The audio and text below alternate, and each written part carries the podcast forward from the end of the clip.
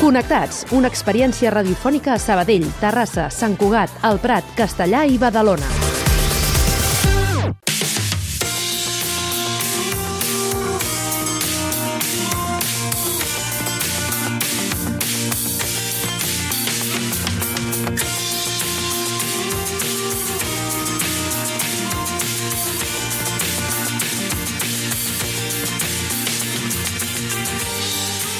Un estudi de la UOC assegura que les publicacions d'Instagram amb un to positiu parlant del medi ambient arriben a ser eh, arriben a més gent i d'aquesta manera involucren els ciutadans en la lluita contra el canvi climàtic. Pau Duran, bona tarda. Bona tarda, en parlem amb la Gemma Sant Cornelio, que és professora i investigadora dels Estudis de Ciències de la Informació i de la Comunicació de la UOC. Bona tarda, Gemma. Hola, molt bona tarda. Sembla ser, per tant, que pel que fa al medi ambient, com a mínim, els missatges positius calen més. Bueno, això és el que hem trobat amb la d'una banda, revisant una part de la literatura que s'ha escrit que no que no és molt, molt extensa, però que està mm, en bona part d'acord amb aquesta idea i després també amb el que vam trobar nosaltres a, amb, bueno, amb les persones que vam entrevistar i hem estat analitzant durant aquest temps els seus contes. Com veu plantejar aquesta recerca? Bueno, aquesta recerca ve, venia d'un projecte més gran sobre narrativa, bueno, storytelling a nivell, a nivell global i veníem estudiant ja fa alguns anys eh, Instagram a, a partir d'un altre projecte anterior que era de selfies i narratives personals i llavors a partir de les d'identificar algunes narratives personals que s'assemblaven molt o que sem, mm, tenien certs aspectes, certs elements eh, que recordaven els influencers per aquesta, no, per aquesta manera d'explicar el que fan el dia a dia i el que una mica en primera persona. Llavors, eh, a partir d'ahir, vam veure que, que treballaven amb missatges eh, dirigits no? amb a, la, a la qüestió mediambiental, a trobar solucions, etc. I a partir d'ahir vam començar a, a crear un, una, una mostra, a anar buscant més, més, eh, més comptes. Nosaltres fem recerca qualitativa, eh, vam plantejar com una etnografia digital a partir del, del seguiment d'un un número de comptes que anàvem trobant, no? Eh, per una banda els anàvem, vam crear un compte per anar seguint a, en aquests perfils i els, alguns els anàvem triant perquè anaven apareixent i altres els, els suggeria el propi algoritme perquè tenen relació amb el contingut. Després, quan vam fer una, una, una segona ronda, o sigui, això va ser una primera part, no? la, de, la de recollir un, un volum interessant de contes que estaven aquí, a, o sigui, a, a nivell, vam començar a nivell estatal, català, també en tenim algunes internacionals. Eh, quan vam veure que ja mm, trobàvem unes certes, no, uns certs patrons, vam començar a fer entrevistes i vam, vam, bueno, vam trucar a bastanta gent i vam aconseguir fer unes 14 entrevistes amb aquests, amb aquests perfils. I a partir d'ahir doncs, vam anar, eh, els vam anar preguntant sobre, sobre les seves motivacions, sobre la manera en què produïen el contingut, bueno, diverses qüestions i, i de tot aquest material eh, analitzat no, a posteriori doncs, han sortit una sèrie d'articles entre els quals estan aquests últims que són, eh, que són els que ens hem focalitzat bueno, em sembla que tu estàs referint al que parla més de, dels aspectes comunicatius no? d'aquests comptes i en tenim un altre que parla més dels aspectes que tenen a veure amb el seu perfil com a, com a activistes barra influencers, no? que és aquest, una mica hi ha aquesta tensió entre, entre aquests dos conceptes i, i llavors amb una, amb una, van sortir aquests articles, han sortit tots dos alhora, tot i que el d'activisme el vam escriure abans, i aquest últim al que tu fas referència es, es centra més en aquells aspectes comunicatius, no? que pensàvem que era molt important eh, poder sintetitzar després de tot això eh, una sèrie de, de trets que al final, mm, d'alguna manera, ells també intenten diferenciar-se, no? La majoria dels, dels comptes, quan, quan els hi preguntaven, sempre ens deien, bueno, és que eh, nosaltres eh, no volem comunicar com s'ha comunicat fins ara. Mm, volem fugir, per això que em preguntaves no? inicialment, de, sobretot de, de les imatges negatives, eh, perquè hem comprovat, no? clar, el, el, en aquests contes han anat, han anat publicant diferents tipus de, de continguts què és el que més funciona en termes de resposta de les seves comunitats i ens comentaven precisament això, no? que, que els missatges positius solien eh, tenir un, una millor resposta, més, més, uh, més comentaris, després la gent també els escrivia amb, amb ells, amb elles, els seus comptes personals, etc.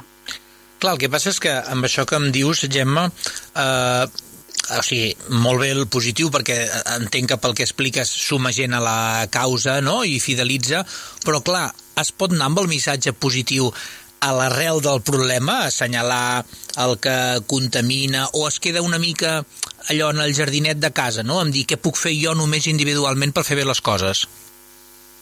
No, la qüestió no és, eh, no és negar el que, el que passa. El que passa és obvi i això, i això tampoc ho neguen. El, um, la qüestió és eh, fins a quin punt, no, per la, per la per la pròpia mm, dimensió no, del, del canvi climàtic, eh, fins a quin punt un missatge, o sigui, un, una imatge, no? això es discutia una, bastant amb la literatura, el, el, el, el típica foto del oso, no? allà de l'os polar a sobre no? del, del casquet, eh, fins a quin punt una imatge que ha esdevingut tan icònica eh, no la veiem llunyana, perquè a mi jo no veig ossos polars Clar. al meu voltant. Llavors, aquest és un, aquest és un element, per exemple, que, que no és de lo més negatiu, eh, no aquestes, però, però també és un tipus de missatge que mm, tothom que ha estudiat una mica coincideix que eh, si d'una banda el negatiu capta l'atenció, això sí que és cert, desactiva una mica, perquè ho veus llunyà, si no et passa aquí a ta casa. I clar, el que està passant ara és que ja ho tenim tots a casa nostra.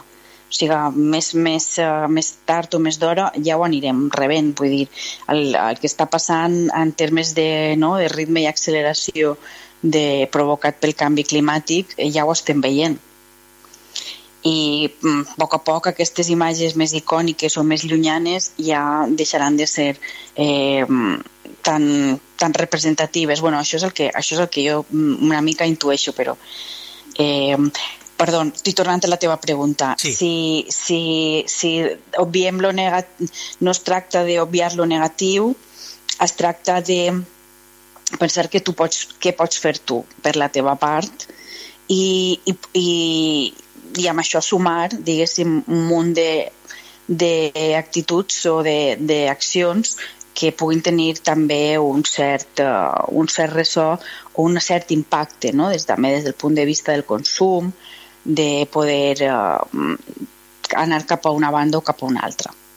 A vegades hi ha la por de que eh, aquests eco-influencers, que ni dieu, mm, puguin estar, mm, encara que subtilment, dirigits, controlats o sugestionats d'alguna manera per eh, grups d'interès, lobbies que els interessi colar un, un missatge que en realitat el que faci sigui eh, allò netejar una mica eh, la imatge de dir, bueno, tampoc eh, contamina tant aquest sector o sí. això.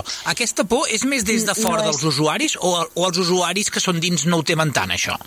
No és el nostre cas, no, no hem trobat, o sigui, no és, no és el cas de la gent que nosaltres hem estudiat perquè molt pocs, tret, clar, nosaltres els diem ecoinfluències perquè fan servir les uh, de, determinades estratègies no? dels influències per a arribar al públic, com el que et deia de, de um, posar-se en primera persona, mostrar com fan coses, no? mostrar com netegen una platja, mostrar com van a un, a un abocador a Gàmbia, no? que hi ha un dels casos que vam estudiar, i, i fan coses. Aquesta és, a, aquesta és una mica l'estil comunicatiu, però en canvi en termes de eh, patrocini hi ha mm, només mm, dues persones, o sigui, només dos, dos comptes uh, van dir que havien acceptat uh, patrocinis, però no eren de productes uh, ni de, ni de lobbies, eren simplement una, uno era un audiollibres i l'altre, o sigui, eren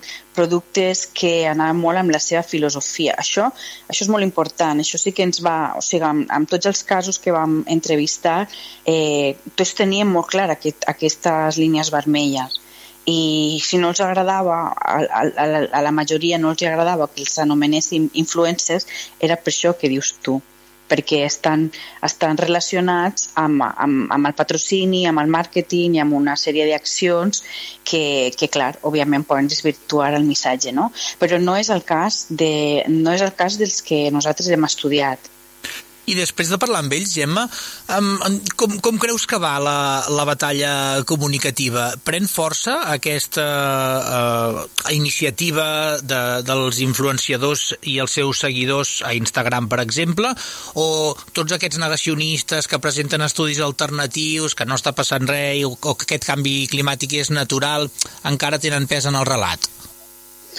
Mira, doncs aquesta part nosaltres no l'hem estudiat. La qüestió del negacionisme és un dels, és un dels punts que ens estem plantejant de seguir perquè aquest estudi no ha acabat. Això va ser, va ser una cosa que vam desenvolupar um, aquests uh, darrers anys, però ara estem, estem eh, tenim un projecte per a continuar-lo ampliant. Llavors, això que dius eh, és un element important que encara no hem, no hem analitzat en profunditat, Um, però el que, el que sí que puc dir d'aquests estils comunicatius és que estan una mica, s'estan traspassant cap a d'altres. Nosaltres amb aquest article que tu has llegit comparàvem no, com els, un estil comunicatiu més eh, no sé si, no recordo si ho diuen convencional o així, eh, que és el que han promogut, sobretot, no? els que han controlat el relat, eh, les ONGs eh, de, dedicades a, no? a, la, a la conservació del medi ambient, i d'una altra banda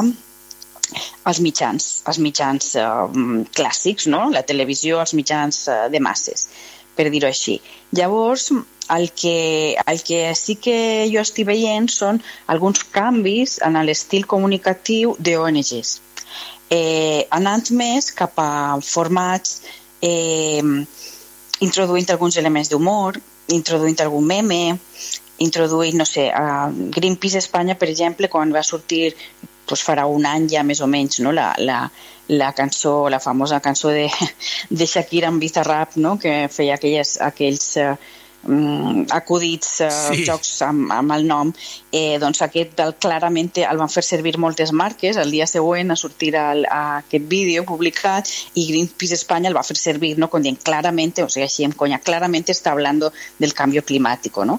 Això és, això és una anècdota, és una cosa simple, eh, però, però sí que observo amb alguns... Eh, amb alguns um, comptes aquesta intenció d'intentar arribar a més públic, no? fent servir pues, elements comunicatius més propis de, la, de les xarxes socials o de la cultura digital, no? així a nivell general. Això, això per un costat. Després també crec que aniran apareixent altres veus, altres, altres veus mm, no sé, que, que tenen altres estils, no? Hi ha tot aquest, aquest projecte de Hope, que és un crowd, s'ha fet a través d'un crowdfunding, que són uns vídeos documentals, que estan molt a mig camí entre la ciència... bueno, aquí hi ha molts debats en el tema de la, eh, de, de la, del canvi climàtic i quines mesures s'ha de prendre, hi ha molts debats. No? Un d'ells és el de eh, que una, una posició que és la, la tecnologia ens ho arreglarà tot no? que, que defensa un sector i ja, doncs hi ha d'altres sectors que defensen que s'ha de fer un canvi molt més estructural i que la tecnologia doncs, no ho arregla tot. La tecnologia li convé doncs, a determinades empreses que s'hi dediquen no, a sectors que, que són estratègics i que podran traure més benefici no, quan fem aquests canvis. Llavors, aquí també hi ha alguns, algunes tensions i aniran apareixent nous temes. Jo penso que ara serà aquest tema de la comunicació medioambiental és superclau um, penso que s'estan que, que, que la gent se n'està donant no? de fins a quin punt eh, eh, cal enfocar-ho perquè s'ha comunicat molt poc, s'ha comunicat mm, de manera jo crec que molt poc, amb molt poca informació i amb molt pocs matisos de, des de molts punts de vista. No? Ha, ha primat una part del discurs científic que, que si bé està bé però, però algunes vegades tampoc no arriba i tampoc s'ha, no sé, eh, penso que aquí hi ha, molt, hi ha molt camí per recórrer, no? des de les xarxes i des d'altres nivells, però bueno, les xarxes és el que estudiem nosaltres. I l'haurem de recórrer plegats. Gemma Sant Cornelio, professora i investigadora dels Estudis de Ciències de la Informació i de la Comunicació de la UOC, gràcies per atendre la trucada al Connectats. Molt bé, moltes gràcies a vosaltres.